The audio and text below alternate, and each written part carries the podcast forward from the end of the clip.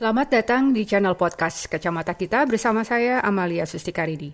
Kali ini kita akan berbincang-bincang dengan Tia Mariatul Kiptia, dosen hubungan internasional Binus University Jakarta dan pengamat masalah-masalah Timur Tengah. Kita akan berbincang tentang konflik Iran-Amerika Serikat serta pengaruhnya terhadap konstelasi politik di Timur Tengah. Kita akan membahas juga tentang hubungan Iran dan Indonesia. Mari kita simak bincang-bincang kita berikut ini. Iya, okay. uh, gini Mbak Tia, uh, kan di awal tahun 2020 ini situasi dunia jadi memanas ya dengan tewasnya Jenderal Sulaimani oleh pasukan Amerika Serikat. Dan Iran kemudian bersumpah untuk membalas kematian salah satu tokoh berpengaruhnya tersebut. Konflik ini bahkan dikhawatirkan sampai memicu Perang Dunia Ketiga dengan maraknya tagar uh, World War III. Mm, namun saya waktu itu lihat juga wawancara Mbak Tia di salah satu TV ya yang uh, mengatakan bahwa konflik ini eskalasinya nggak akan meningkat gitu dan ternyata benar ya bahwa di hari-hari terakhir yeah. ini eskalasi konfliknya itu menurun dengan melunaknya reaksi dari Donald Trump serta pemerintah Iran yang mengakui kesalahannya menembak pesawat Ukraina. Nah, gimana Mbak Tia bisa memang kemudian membuat analisa yang uh, ternyata tepat seperti ini Mbak Tia uh, bahwa konfliknya uh, memang tidak akan memanas? Iya, terima kasih uh, Mbak Amalia. Uh, sebelum saya di di interview oleh salah satu TV nasional di Indonesia ya, ada yeah. beberapa media mm-hmm. cetak juga yang menghubungi. Mm-hmm. Wah, salah laris satu, banget nih kayaknya memang dari, Mbak Tia dicari-cari iya, banget ya kalau udah urusan di Iran Jakarta ya. Post, mm-hmm. Dari the Jakarta Post mm-hmm. sama dari uh, Deutsche Welle Jerman ya. Mm-hmm uh, di saat semua media sosial menyatakan bahwa akan ada perang dunia ketiga, mm-hmm. sepertinya saya sendirian yang hanya bilang bahwa ini tidak akan terjadi apa-apa. Mm-hmm. Bahkan saya memberikan tiga opsi saat itu ke media. Iya betul. Yang ha, pertama adalah Iran. Iya, mm-hmm. yang pertama Iran akan membalas dengan cara uh, mirip dengan metode Al Qaeda yaitu membunuh warga negara Amerika Serikat mm -hmm. di mana pun berada. Mm -hmm. Jadi sistemnya tidak face to face, tidak, tidak apple okay. to apple tidak kayak perang ya. teluk. Iya, mm -hmm. kayak perang teluk Iran Irak dan dibantu oleh Amerika Serikat tahun 2003 ya. Mm -hmm. Sistemnya tidak begitu. Yang kedua, saya prediksi bahwa Iran uh, cara membalasnya itu adalah dengan cara peningkatan uranium yaitu uh, mengarah ke arah oh, senjata okay. nuklir dan fokus untuk memperkuat ekonominya. Mm -hmm. Yang ketiga tidak akan terjadi apa-apa sama sekali mm -hmm. gitu. Saya saya kasih prediksi itu tiga ke media saat itu. Kemudian baru dari televisi uh, mengundang saya dan kembali saya tekankan bahwa ini tidak akan terjadi apa-apa. Sementara di media sosial, di Twitter, di Facebook itu sudah ramai bahwa ini akan terjadi perang dunia ketiga begitu. Kenapa saya menganalisis bahwa ini tidak akan terjadi sampai uh, perang uh, face to face? Saya melihat bahwa uh, dari sejak di embargo tahun 79 ya ketika mm-hmm. Pahlavi jatuh kemudian Amerika Serikat menerapkan embargo dan saat itu ada sekitar 400-an diplomat Amerika Serikat yang disandra oleh mahasiswa mm-hmm. Iran. Okay. Kemudian Amerika mm-hmm. Serikat menerapkan embargo mm-hmm dan uh, pada saat Obama saja embargo itu ditarik sebentar saja ya, hmm. kemudian terpilih Trump menjadi presiden dan dikembalikan lagi embargo tersebut, uh, kondisi ekonomi Iran sangat tidak baik pas di masa rohani ini begitu. Okay. Di masa ah Ahmadinejad juga sudah ada penurunan yang sangat drastis mm -hmm. ketika Ahmadinejad itu seorang uh, pemimpin yang memang ambisi terhadap uh, pengayaan uranium untuk okay. program nuklir Iran begitu dan mm -hmm. itu cukup mem memeras uh, perekonomian Iran saat itu dan uh, kesejahteraan masyarakat Iran terkurangi dengan ambisinya Ahmadinejad.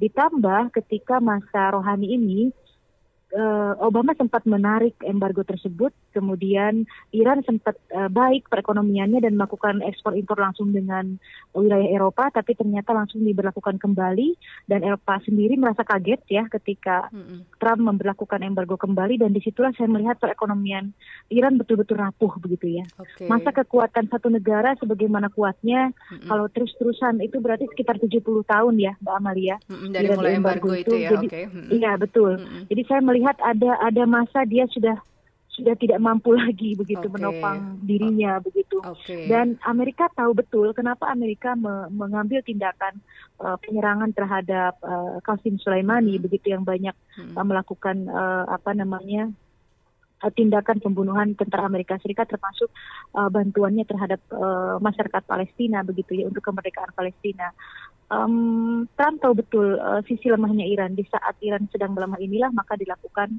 uh, serangan tersebut begitu. Okay. Makanya saya langsung bilang bahwa ini tidak akan, tidak akan uh, terjadi apa-apa ya, tidak akan meningkat Karena kan ya perang pakai okay. iya, hmm. perang perang kan pakai biaya Betul, begitu perang ya. pakai uang Sementara ya, da iya, dari salah hmm. satu dari salah satu pihak sedang tidak baik begitu. Okay. Akhirnya ya betul uh, prediksi saya ini tidak tidak berlanjut begitu. Hanya saja mungkin uh, ke depannya Iran tidak akan diam, dia akan terus uh, melakukan uh, balasan. Itu tadi saya melihatnya ada balasan-balasan lain yang misalnya uh, metode Al Qaeda itu diterapkan oleh masyarakat oleh uh, apa namanya negara Iran. Uh, artinya di mana pun uh, warga negara Amerika Serikat berada itu akan dilakukan pembalasan begitu okay. dan terbukti ketika salah tembak itu ya Mm-hmm, ya, nah itu juga dipikirnya ya. itu okay. ya, hmm, iya. Okay. Jadi caranya demikian, begitu mm-hmm, sekemampuan mm-hmm. Iran saat inilah mencoba menunjukkan bahwa uh, Iran masih mampu melawan Amerika dan dia tidak suka eh, jenderal uh, atau pimpinan uh, kedua terbesarnya di negaranya itu dilakukan seperti itu, okay. gitu Mbak Amalia. Oke, okay, jadi kalau saya bisa simpulkan uh, reaksi kemarin itu yang ditunjukkan oleh Iran itu lebih pada reaksi yang uh, emosional sesaat saja ya, tapi tidak ditujukan untuk yeah. jangka panjang ya, karena dikarenakan uh, perekonomian Iran sekali sudah memburuk dan sepertinya sulit untuk membiayai sebuah perang yang besar seperti itu ya Mbak Tia ya. Iya betul. Okay. Makanya respon dari Trumpnya kan, oh ya kita damai saja karena okay. ya Amerika iya, iya. tahu lah. Mm -mm, iya. Dan kita mm. memang agak surprise ya melihat uh, tensinya turun uh, cukup cepat ya di beberapa hari terakhir ini ya. Iya betul. Oke. Okay. Nah yang kalau mm, di HI boleh melakukan teori konspirasi, mm -hmm. mungkin uh, kalau kita jauh ya menganalisis mm. bisa jadi ini adalah memang trik kedua belah pihak. Mm. Bagaimana Donald Trump juga bisa mengambil uh, membeli kembali minyak dari Iran karena kita tahu Mbak Amalia mm-hmm. pasca tumbangnya Saddam Hussein itu kan uh, kepemimpinan Irak itu di bawah Nur, Nuri al-Maliki. Mm, Sementara background iya. dari Nuri al-Maliki itu adalah kelompok Syiah. Betul. Setelah al-Maliki kemudian naik al-Mahdi dan semakin kuat uh, kerjasama antara Iran dengan Irak di iya. bawah kepemimpinan Syiah mm-hmm. begitu. Mm-hmm. Nah itu di luar prediksi Amerika Serikat Betul. sebetulnya. Mm-hmm. Dan ternyata kalau kedua negara yang merupakan produsen terbesar minyak di Timur Tengah, Iran dan Irak menyatu, itu cukup akan uh, ya me, me, me, menyulitkan pihak Amerika Serikat mendapat suplai dari Timur Tengah. Mm-hmm. Jadi ya mau tidak mau harus diakhiri begitu uh, apa namanya uh, konflik dengan Iran ini bagaimana caranya karena kedua negara yang notabene merupakan supplier minyak ke Amerika Serikat salah satunya Irak ya hmm. kalau Iran tidak Amerika Serikat menjadi supplier selama ini kalau sudah ada di pihak Iran kan itu cukup membahayakan juga begitu. Okay. Nah, saya melihat nanti ke depannya embargo akan dicabut Iran akan mematuhi tidak uh, melakukan pengayaan uranium, uranium hmm. lebih besar lagi, hmm. kemudian uh, uh, ekonomi Iran akan membaik itu dengan imbalan ya uh, nanti akan Amerika Serikat bisa membeli minyaknya dari Iran dan Irak begitu. Okay. Saya melihatnya ke arah sana. Hanya sayang mm -hmm. Uh, di di HI itu tidak mengenal teori, teori konspirasi, konspirasi ya Mbak Tia ya. Iya, iya. analisis kira-kira sebetulnya ini kerjasama kedua belah pihak yang iya, betul, begitu. Betul, iya. Tapi secara kasat mata ya itu yang paling kita bisa analisis betul. adalah ekonomi Iran sedang tidak baik, mm -hmm. Amerika Serikat mm -hmm. tahu itu melakukan penyerangan, Iran tidak bisa berbuat, berbuat banyak mm -hmm. sehingga konflik terus menyusut, okay. gitu, terus menurun. Oke, okay. nah ini sebetulnya sih uh, ini kan Mbak Tia tadi dari sudut Iran ya, uh, apa dari pihak Amerika pun cukup menarik melihat Donald Trump juga kemudian menurunkan tensi ya dengan apa dia berkata bahwa ya tadinya kan kelihatannya berambisi sekali untuk menyerang dan lain-lain. Saya membaca beberapa analisa yang cukup menarik juga bahwa ini juga dipakai oleh Donald Trump untuk modal kampanyenya gitu Mbak Tia tahun 2020. Jadi dia mengesankan bahwa dia sudah bisa memanage konflik ini dengan baik gitu sampai tidak harus terjadi perang. Jadi kelihatannya dua pihak itu sama-sama gimana ya bisa dibilang mengambil untung dari konflik ini gitu ya. Seperti ada itu ya? dua sih sebetulnya Mbak Amalia. Mm-hmm. Pertama di tengah impeachment Donald Trump kan mm-hmm, betul. kejadian ini mm-hmm. terjadi begitu. Artinya impeachment tersebut bisa cancel, bisa mm-hmm. bisa selamat lah Trump mm-hmm. saat ini. Dan kedua keuntung, keuntungannya adalah untuk pemilu yang akan datang. Betul, nah yang kedua mm-hmm. uh, apa yang dilakukan oleh Trump seolah melakukan perdamaian selama mm-hmm. ini Amerika Serikat dengan North Korea juga ya menurun mm-hmm. tensinya gitu mm-hmm. kan. Kemudian Korea Utara dan Korea Selatan juga menjadi membaik begitu kan.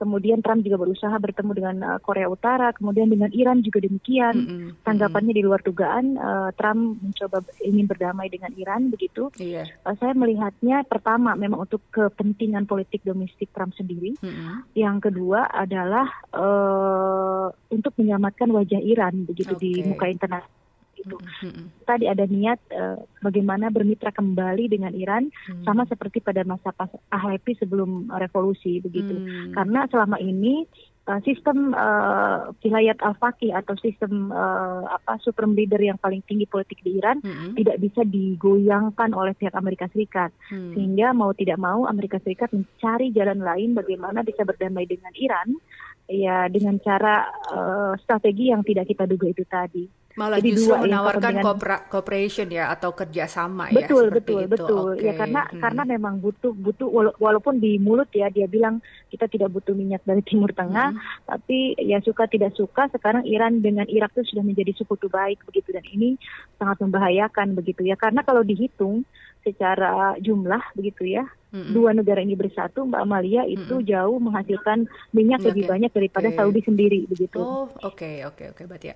Nah, sekarang pertanyaan selanjutnya nih, Mbak Tia. Mungkin uh, banyak juga yang ingin tahu lebih banyak tentang bagaimana sih sebetulnya kekuatan Iran di Timur Tengah karena kita kan melihat bahwa Iran ini kok sepertinya bermusuhan terus dengan uh, Saudi Arabia gitu ya.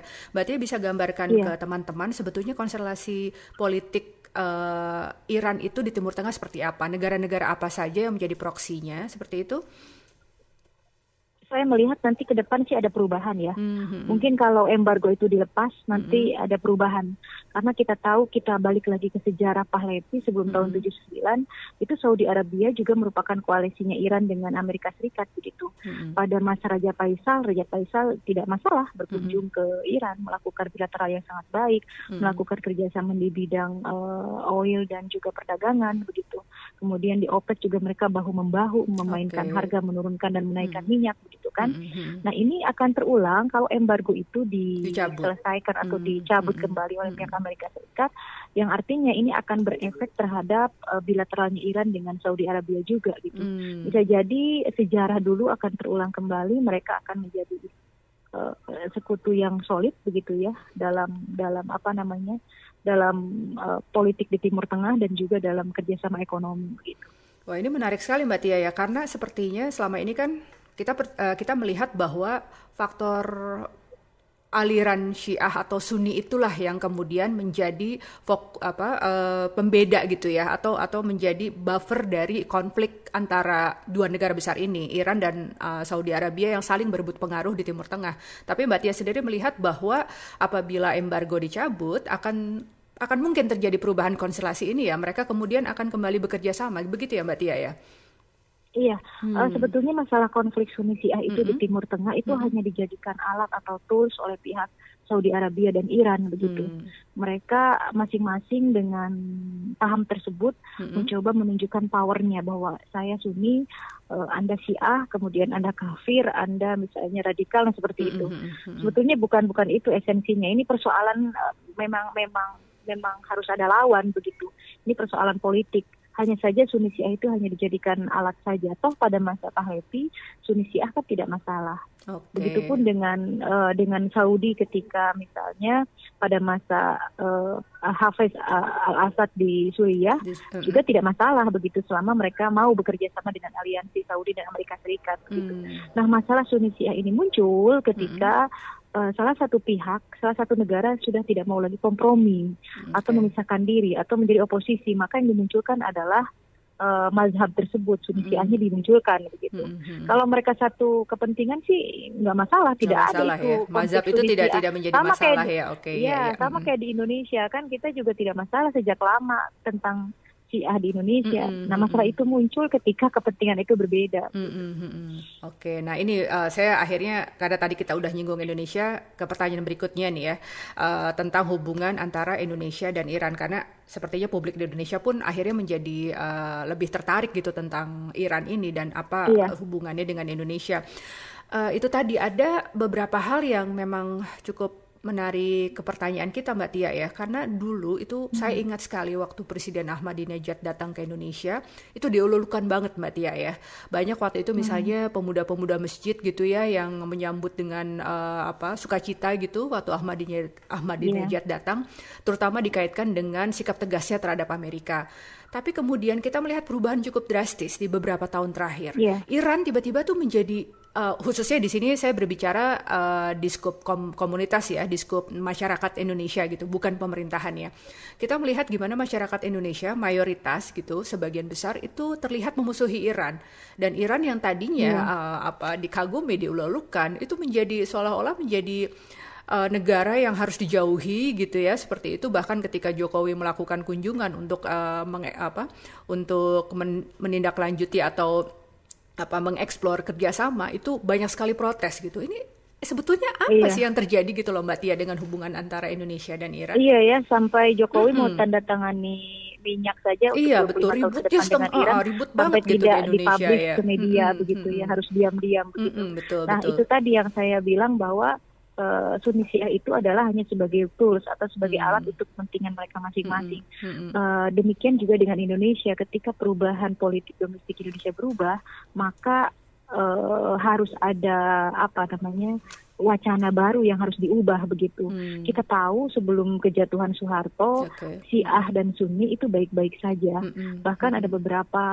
uh, paham Syiah yang juga dilakukan oleh salah satu organisasi Islam terbesar di Indonesia. Nah, hmm. Nahdlatul Ulama misalnya hmm. uh, banyak juga persamaan uh, apa namanya kegiatan keagamaan yang hmm. mereka hmm. Uh, berdua lakukan begitu ya. Hmm. Tapi tiba-tiba setelah tahun 98 itu uh, perubahan begitu drastis ya setelah uh, pasca reformasi. Hmm. Karena apa? Karena saya melihatnya yaitu tadi uh, di mana kebebasan uh, mulai diberikan seluas-luasnya, kemudian muncul organisasi-organisasi uh, ekstrim di Indonesia, okay. kemudian mereka mulai ikut bermain di Indonesia dan akhirnya harus ada yang dikorbankan begitu. Okay. Artinya kalau kita mau membentuk sebuah kekuatan politik mm -hmm. itu harus memang memakai alat itu, mm -hmm. sama seperti Saudi dengan Wahabismnya uh, harus diterapkan karena untuk melanggengkan sistem kerajaannya Saudi.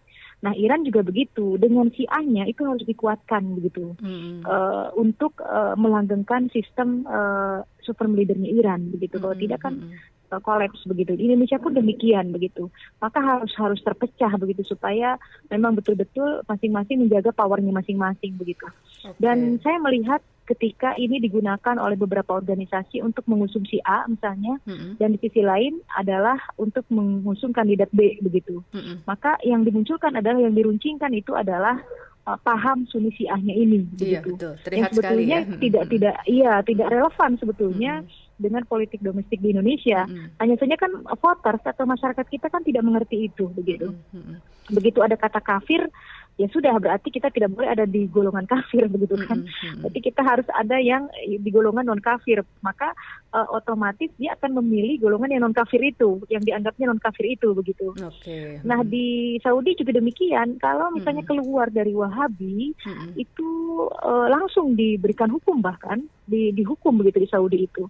Jadi artinya satu negara itu kuat dengan satu paham okay. paham Wahabismnya gitu dengan Wahabismnya. Hmm, artinya si paham itu hanya menjadi alat untuk melanggengkan kekuasaan. kekuasaan. Okay. Nah di Indonesia juga begitu. Saya melihatnya ke arah sana. Memang harus ada paham yang dikorbankan begitu okay. untuk uh, kekuatan mengukur kekuatan masing-masing. Hmm. Saya pikir sampai nanti setelah Jokowi lengser juga ya selesai periodenya yang baru lagi ini akan terus bergulir akan terus bergulir, selama ya. itu hmm. ternyata laku ya ternyata itu ternyata masih laku dipakai alat yang yang masih laku dipakai oleh para politisi Indonesia. Gitu. Oke, okay. uh, ini menarik Mbak Tia ya karena sepertinya cukup banyak gitu kalangan masyarakat Indonesia yang menganggap Sunni Syiah ini juga berdimensi agama gitu kan ya sehingga kebenarannya tuh mutlak gitu padahal dari penjelasan Mbak Tia ini kan sebetulnya semata-mata masalah perebutan power dan bagaimana usaha untuk melanggengkan melanggengkan power itu sendiri ya Mbak Tia ya seperti itu ya Iya. Mm -mm, Oke. Okay. Jadi sebetulnya kalau kalau kalau kita melihat sedikit ya, kita melipir mm -hmm. ke arah agama misalnya, uh, Tunisia itu kan hanya masalah furu ya kalau dalam istilah hmm. fikih atau cabang begitu. Hmm. Jadi uh, bukan merupakan perbedaan agama hmm. yang yang yang apa namanya yang memang harus di dipisahkan begitu. Hanya hmm. saja memang di kawasan Timur Tengah ini dipakai alat untuk uh, apa namanya perang dinginnya Saudi dengan Iran begitu. Hmm. Nah ternyata itu saya tidak tidak tidak tahu ya apakah itu hasil ekspor ke Indonesia itu hasil ekspor dari mereka atau tidak. Hmm. Tapi yang pasti ini di, saya melihatnya ini diadopsi gitu ya keberhasilan kedua negara itu di Timur Tengah dan ternyata ini diadopsi di negara kita dan berhasil begitu. Makanya kalau misalnya mau ini selesai bahwa paham ini tidak dijadikan alat, mm-hmm. kita harus menolak itu gitu. Okay. Harus menolak bahwa ini bukan persoalan Sunni Syiah, mm-hmm. ini bukan persoalan kafir dan tidak, yeah, tapi okay. ini persoalan kualitas pemimpin begitu. Kalau semua rakyat Indonesia sadar ke arah sana, saya pikir itu lama-lama terkikis dan uh, para politisi kita tidak akan memakai uh, apa namanya isu Sunni Syiah lagi kafir dan tidak lagi sebagai alat untuk okay. mencapai tujuan politik mereka gitu. Oke, okay, jadi memang perlu semacam pendidikan politik yang berkelanjutan ya, Mbak Tia ya untuk masyarakat betul, khususnya betul. untuk masa apa uh, topik tentang Sunni Syiah ini. Oke, tadi melanjutkan tentang hubungan Indonesia dan Ir, uh, Iran. Sebetulnya kerjasama di bidang apa saja sih yang sudah terjalin di antara dua negara ini, Mbak Tia? Oke, kita kita komparatif ya, Mbak hmm. Amalia. Kalau kalau kita bicara Iran di Timur Tengah tidak terlepas dari Saudi Arabia, hmm, like okay. or dislike begitu ya, karena hmm. uh, kita suka tidak suka di kawasan Timur Tengah itu yang paling besar sebetulnya hmm. adalah uh, negara Saudi secara secara apa namanya teritori begitu. Hmm. Um, ketika bicara bilateral Iran dengan dengan Indonesia, maka saya coba membandingkan bagaimana Indonesia dengan Saudi begitu. Hmm. Dari sistem ekonomi, dari ekonomi ekspor impor Iran lebih unggul, masih lebih unggul dibanding Saudi. Dari segi investasi di BKPM kita hmm. mengetahui datanya hmm. Iran juga lebih unggul dari Saudi. Oh seperti itu ya? Misal Saudi, okay. iya Iya, jadi misalnya tahun 2012 Saudi hanya sekitar 0,6 persen. Hmm. Nah Iran itu sudah mencapai lebih dari itu ya. Hmm. Persis angkanya saya lupa, tapi hmm. uh, jauh di atas Saudi begitu. Hmm. Kemudian dari segi kerjasama militer belum lama ini belum lama mungkin sekitar dua tiga bulan lalu Kementerian Pertahanan mencoba menjajaki untuk kerjasama militer dengan pihak Iran karena Iran itu uh, mampu memproduksi uh, rudal balistik uh, yang cukup baik secara kualitas begitu ya. Dan ada pembicaraan ke arah sana untuk melakukan kerjasama di bidang militer. Tapi ternyata belum sampai sekarang. Hmm. kita kembali compare lagi dengan Saudi. Dengan Saudi juga sudah ada MOU bahkan. Hmm. saya sudah melihatnya Mbak Malia hmm. bentuk MOU-nya untuk kerjasama militer Saudi dengan Indonesia. Tapi ternyata tidak terrealisasi tidak terrealisasinya adalah ada penolakan dari Indonesia karena ada poin-poin yang tidak disetujui. Oh, seperti Di situ itu, ada okay. kerjasama terorisme, ada hmm. ada ada seolah Saudi itu mengatur begitu. Hmm. Saya akan berikan budget, akan berikan ini, tapi anda harus begini. Nah, itu Kondisi, yang tidak disukai kondi, Ada kondisinya ya, kondisional. Iya iya hmm. iya. Jadi sehingga uh, Indonesia tidak menerima itu, tapi beberapa MOU itu berlembar-lembar saya melihatnya hmm. langsung begitu uh, data tersebut begitu dan itu juga tidak terrealisasi. Berarti hmm. dari segi militer kedua negara ini tidak tidak ada kerjasama yang signifikan hmm. begitu. Hmm. hmm. Kalau intelijen saya tidak tahu ya, mungkin hmm. mungkin ada di antara mereka berdua karena secara bilateral antara pihak Indonesia dan Iran, Indonesia dengan Saudi sama-sama baik begitu dan okay. tidak pernah ada clash sama sekali begitu ya. Hmm. Kemudian uh, dari segi politik, misalnya kita di OIC kita juga tidak ada masalah dengan kedua belah pihak hmm. begitu. Hmm. Dari segi perdagangan, mm, Iran banyak uh, apa namanya mengekspor yang cukup besar ke Indonesia, demikian hmm. juga Indonesia. Hmm. Kalau dari Indonesia mungkin kita menjadi uh, produsen kelapa sawit yang cukup memberikan banyak ekspor ke Iran. Nah, Iran mm, mengekspornya berupa biji-bijian, minyak goreng gitu ya, hmm. teh, kapas. Saya lihat di data Kementerian Perdagangan hanya sebatas itu tapi tidak dalam skala besar, okay. misalnya dalam minyak. Hmm. Nah, baru pada minyak tersebut itu ada di sekitar tahun 2018-2019. Itu hanya Jakarta Post kalau tidak salah yang memuat ada pertemuan antara pihak Pak Jokowi dengan Hasan Rohani yang menyatakan penandatanganan MOU kerjasama Iran sebagai supplier uh, minyaknya Indonesia hmm. untuk 25 tahun ke depan. Okay. Saya pikir itu akan terrealisasi, tapi hmm. ternyata di tengah jalan ada hambatan lagi nih Mbak Amalia. Hmm. Kabarnya hmm. minyak Iran, hmm. kabarnya minyak Iran itu tidak bisa langsung adaptasi dengan uh, kondisi uh, uh, uh, apa namanya produksi Indonesia gitu hmm. mesin-mesin hmm. produksi yang ada di Indonesia begitu hmm. saya juga tidak paham gitu memang hmm. memang harus ada ya ukurannya kalau ini minyak tidak sesuai dengan produksi negara tertentu begitu hmm. nah itu ada itu jadi ada semacam uh, penolakan dari pihak uh, Pertamina kita ada ada ketidaksesuaian sehingga sulit kita uh, apa namanya memakai minyak dari Iran untuk langsung uh, produksi skala besar di Indonesia begitu. Hmm. Nah itu kan teknis ya, saya tidak tidak ke arah hmm, sana, hmm. tapi itu juga tidak ada follow up-nya sampai sekarang Mbak Amalia. Okay. Saya berharap tadinya uh, minyak ini akan besar nih, makanya saya pernah menulis itu di salah satu harian di Indonesia bahwa Jokowi sudah mulai apa namanya bergeser ke aliansi baru di Timur Tengah hmm. begitu. Hmm saya pikir nanti akan ke depannya itu Indonesia tidak depend on apa ya minyak dari uh, Saudi, Saudi, Exxon Mobil dan sebagainya hmm. gitu ya karena Exxon Mobil juga kan ada kerjasamanya dengan pihak Aramco hmm. tapi yang ada di kitanya kan di Exxon Mobilnya dari US begitu ya hmm. saya pikir akan akan akan akan kita akan membuka lah semua keran siapa yang menjadi supplier terbaik kita tapi ternyata tidak semudah itu dan akhirnya dari minyak Iran pun untuk supply ke kita itu tidak ada kabarnya lagi Mbak Amalia. Okay. Jadi kalau dilihat bilateral Indonesia Iran hanya sebatas baik secara bilateral begitu secara komunikasi, mm -hmm. secara saling support di uh, organisasi dunia mm-hmm. begitu ya misalnya di DKPBB sebagai anggota tidak tetap mm-hmm. Indonesia uh, menjadi utama melakukan apa namanya kampanye untuk kemerde- kemerdekaan Palestina. Mm-hmm. Nah, ini sejalan begitu kan. Mm-hmm. Di OIC Indonesia sering di, diminta untuk menjadi mediator begitu mm-hmm. kan. Betul. Di OPEC juga demikian. Mm-hmm. Kemudian setiap kali ada konflik antara Saudi dan Iran kita selalu uh, mencoba uh, abstain begitu ya, tidak ikut serta mm-hmm. begitu. Nah, secara politik global demikian. Nah, secara mm-hmm. perdagangan tadi sudah saya rinci tidak tidak signifikan hanya sawit, ya, okay. ya, hmm. ya seperti itu. Jadi hmm. ya biasa saja sih sebetulnya. Iya biasa antara, saja, betul betul. Ya, Jadi ya. biasa saja, nam namun juga tidak ada konflik yang berarti ya, dan sepertinya masih ada. Betul chance atau kesempatan untuk meningkatkan ini di masa yang akan datang ya terutama kelihatannya karena Jokowi sendiri uh, terlihat cukup terbuka dengan opsi lebih untuk terbuka, ya, meningkatkan ya, Iran, ah, betul, betul hubungan dengan Iran. Saya melihat Jokowi lebih tidak penakut ya. Hmm, Artinya okay. bukan saya bilang bahwa administrasi yang dulu penakut yeah, gitu. Yeah. Hmm. Maksudnya begini, uh, Jokowi selalu melihat keuntungan terbaik betul. untuk Indonesia hmm. apa. Pragmatis kalau ya Mbak Tia ya. Hmm, iya, jadi kalau toh minyak dari Iran lebih murah ya hmm. ya kenapa harus beli kenapa? Eh, dari okay. yang lebih mahal hmm, gitu sumbernya. Hmm, Jokowi hanya itu sih. Dia, dia tidak takut bahwa nanti dicap A dan kafir gitu. saya pikir sih no problem ya beliau yeah, ini okay. ya. Jadi saya yeah. melihat lebih lebih taktis lah dia untuk bagaimana GDP kita terus membaik begitu Mbak Amalia. Oke, okay, oke. Okay. Oke, nah ini uh, pertanyaan selanjutnya agak agak agak agak meningkat sedikit ke kawasan nih Mbak Tia ya.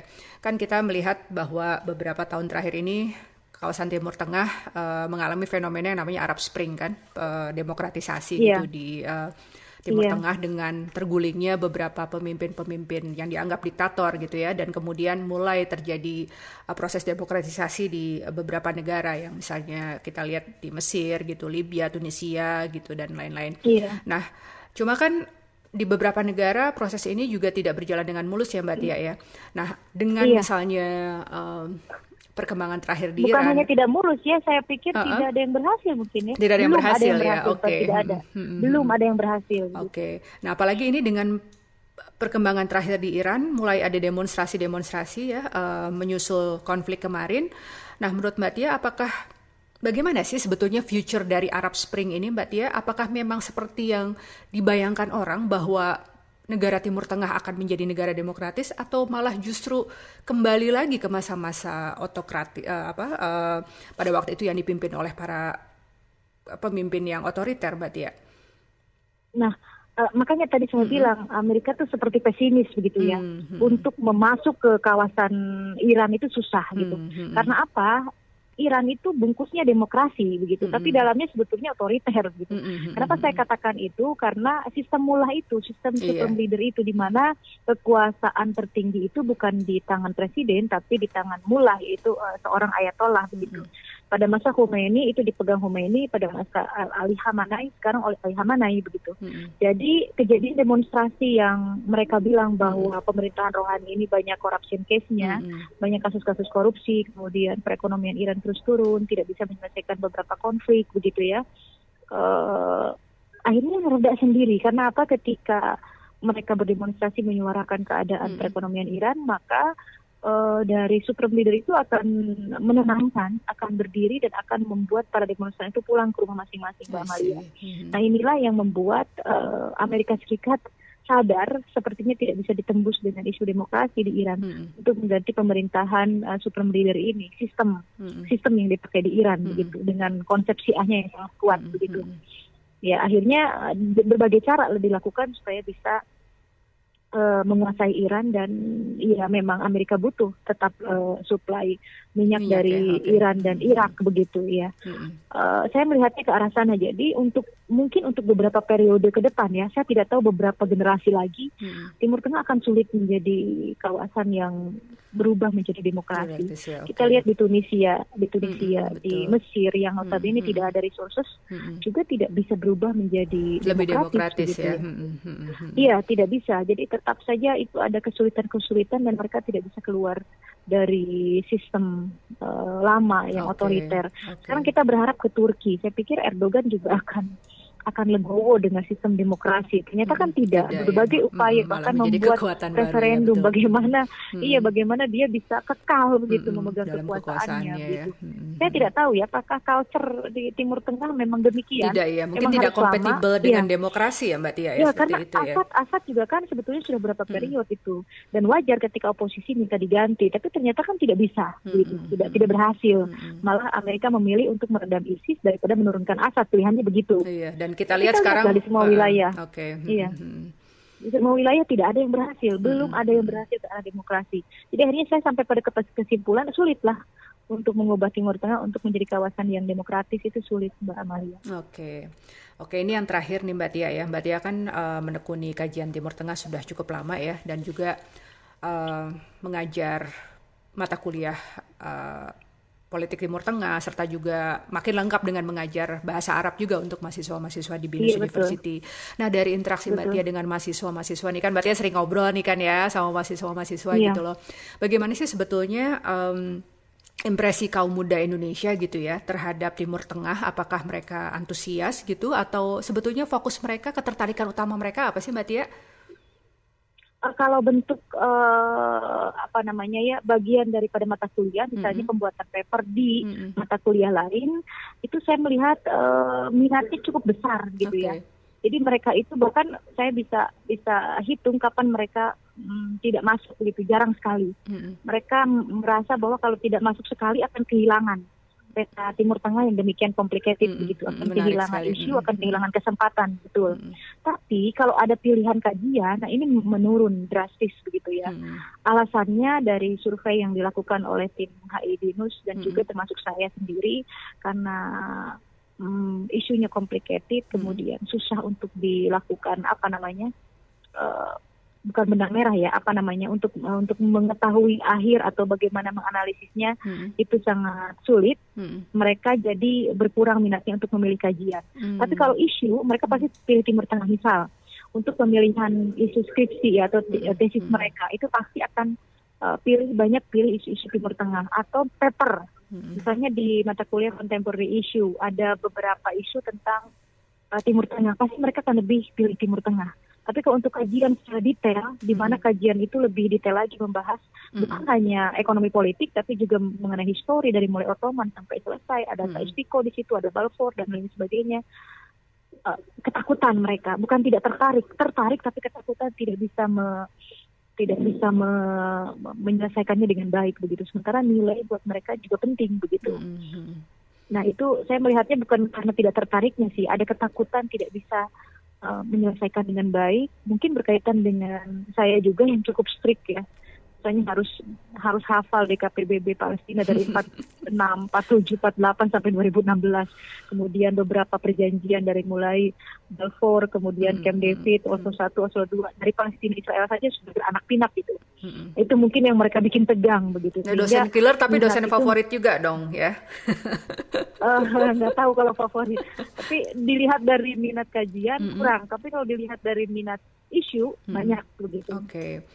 Jadi memang ada lah ya ketertarikan uh, dari generasi muda Indonesia terhadap eh, isu-isu uh, di Timur Tengah ya dan pastinya kalau kan ini ada banyak bahkan banyak bahkan ya mereka bahkan kalau selesai mm, kelas ya kontemporer itu uh, maju ke depan ya, bicara okay. langsung hmm, begitu hmm. tentang Timur Tengah gitu. Hmm, Tapi kalau milih kajian takut gitu. Okay, iya. Takutnya hmm. saya bisa nggak ya gitu. Hmm, mereka berpikirnya demikian hmm, gitu.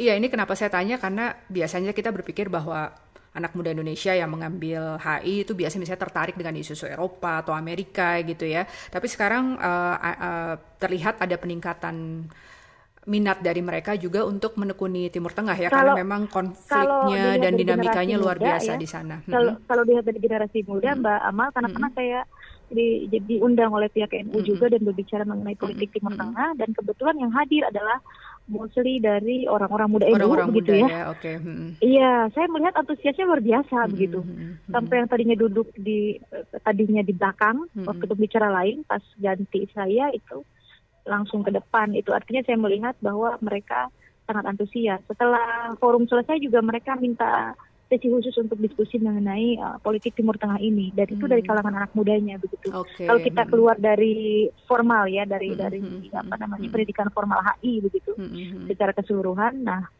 saya melihatnya dari kalangan muda terutama ketika saya dipanggil di NU dan jumlahnya cukup banyak saat itu uh, itu antusiasmenya cukup cukup lumayan tinggi begitu mm-hmm. Mbak Amalia. Oke, ini mengembirakan sekali ya Mbak Tia ya. Kenapa? Karena itu tadi banyak sekali sebetulnya hal-hal yang perlu dipahami oleh kaum muda Indonesia tentang konflik di Timur Tengah nah, ini itu, ya. Itu Apalagi saya, betul. kenapa mm -hmm. saya fokus? Mm -hmm. Karena secara ekonomi ya, mm -hmm. jujur nih, jujur nih saya jujur-jujuran. Biasanya mm -hmm. saya nggak pernah ngomong kayak gini nih Mbak Amalia. Mm -hmm. Ini spesial untuk konten dari uh, dari Mbak Amalia kasih, ini. Terima kasih, untuk jujur-jujuran ya sebetulnya mm. memperdalam Timur Tengah itu kalau dikaitkan dengan Indonesia nggak ada sama sekali. Hmm. Apa untungnya dari segi hmm. ekonomi, dari segi investasi, hmm. dari segi tourism sektor, dari segi teknografis hmm. kita sangat berjauhan. Hmm. Dari segi politik juga kita tidak bersinggungan secara langsung. Okay. Ya untuk apa mempelajari Timur Tengah kalau kalau langsung bersinggungan dengan Indonesia itu tidak ada. Hmm. Tidak ada lah untungnya. Hmm. Makanya ahlinya, expertnya juga di Indonesia. Nggak banyak ya. Karena ya tidak banyak. Hmm. Karena mereka pikir duitnya nggak ada, budgetnya, hmm. fundingnya nggak ada, terus hmm. efek langsungnya ke Indonesia juga nggak ada. Hmm. Kalaupun ada itu memaksakan diri diada-adain biasanya hmm. narik dari Islamnya gitu. Okay. Sebetulnya itu tidak tidak relevan kalau ditarik ke ekonomi politik. Mm -hmm. Kenapa saya buka-bukaan? Mm -hmm. Uh, tapi kenapa saya fokus hmm. di kajian ini? Karena itu tadi keprihatinan saya hmm. yang sangat mendalam.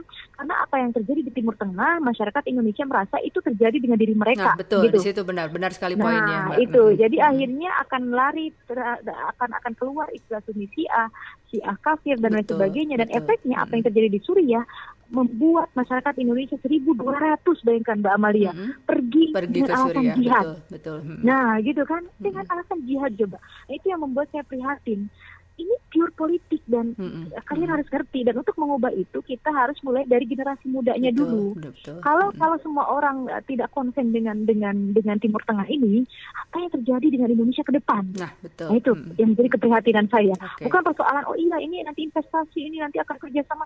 No, bukan itu. Timur Tengah Timur Tengah pun kalau memilih kerjasama ekonomi investasi, mereka akan lebih memilih negara lain lah Mm-hmm. Untuk kawasan Asia saja kita jauh banget. Mm-hmm. 19 triliun dengan 800 triliun Cina. Okay. Wah, enggak seperempatnya juga enggak gitu. Tapi itu ini adalah keprihatinan kita terhadap uh, kondisi Indonesia lah yang eh, mungkin lack of knowledge itu, kekurangan mm-hmm. pengetahuan mengenai Timur Tengah gitu, mm-hmm. Luar biasa Mbak Tia, terima kasih sekali waktunya. Uh, terima kasih sekali di antara kesibukannya sudah uh, meluangkan waktu untuk bincang-bincang dengan saya di sini dan uh, poin terakhir itu benar-benar juga sangat mencerahkan. Semoga Mbak Tia bisa terus berkiprah untuk mengedukasi ya uh, orang-orang uh, muda Indonesia tentang politik di Timur Tengah dan bagaimana kemudian untuk bersikap lebih baik dalam menyikapi isu-isu yang berkembang di Timur Tengah supaya ya, intinya Indonesia juga tidak inilah ya tidak mengalami konflik yang berdarah-darah yang berkepanjangan seperti yang dialami ya. oleh banyak negara di Timur Tengah. Sekali lagi terima kasih Mbak Betul. Tia.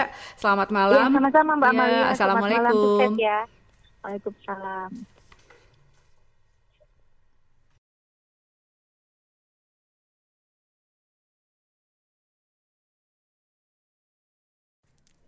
Demikian perbincangan kita dengan Tia Mariatul Kiptiah tentang perkembangan terakhir konflik Iran dan Amerika Serikat dan topik lainnya seputar Timur Tengah dan Iran serta Indonesia. Tentunya banyak hal menarik dari bincang-bincang kita tadi, khususnya tentang menurunnya tensi konflik serta kemungkinan perubahan konstelasi politik di kawasan Timur Tengah. Terima kasih telah bergabung di channel Kacamata kita dan nantikan episode menarik selanjutnya.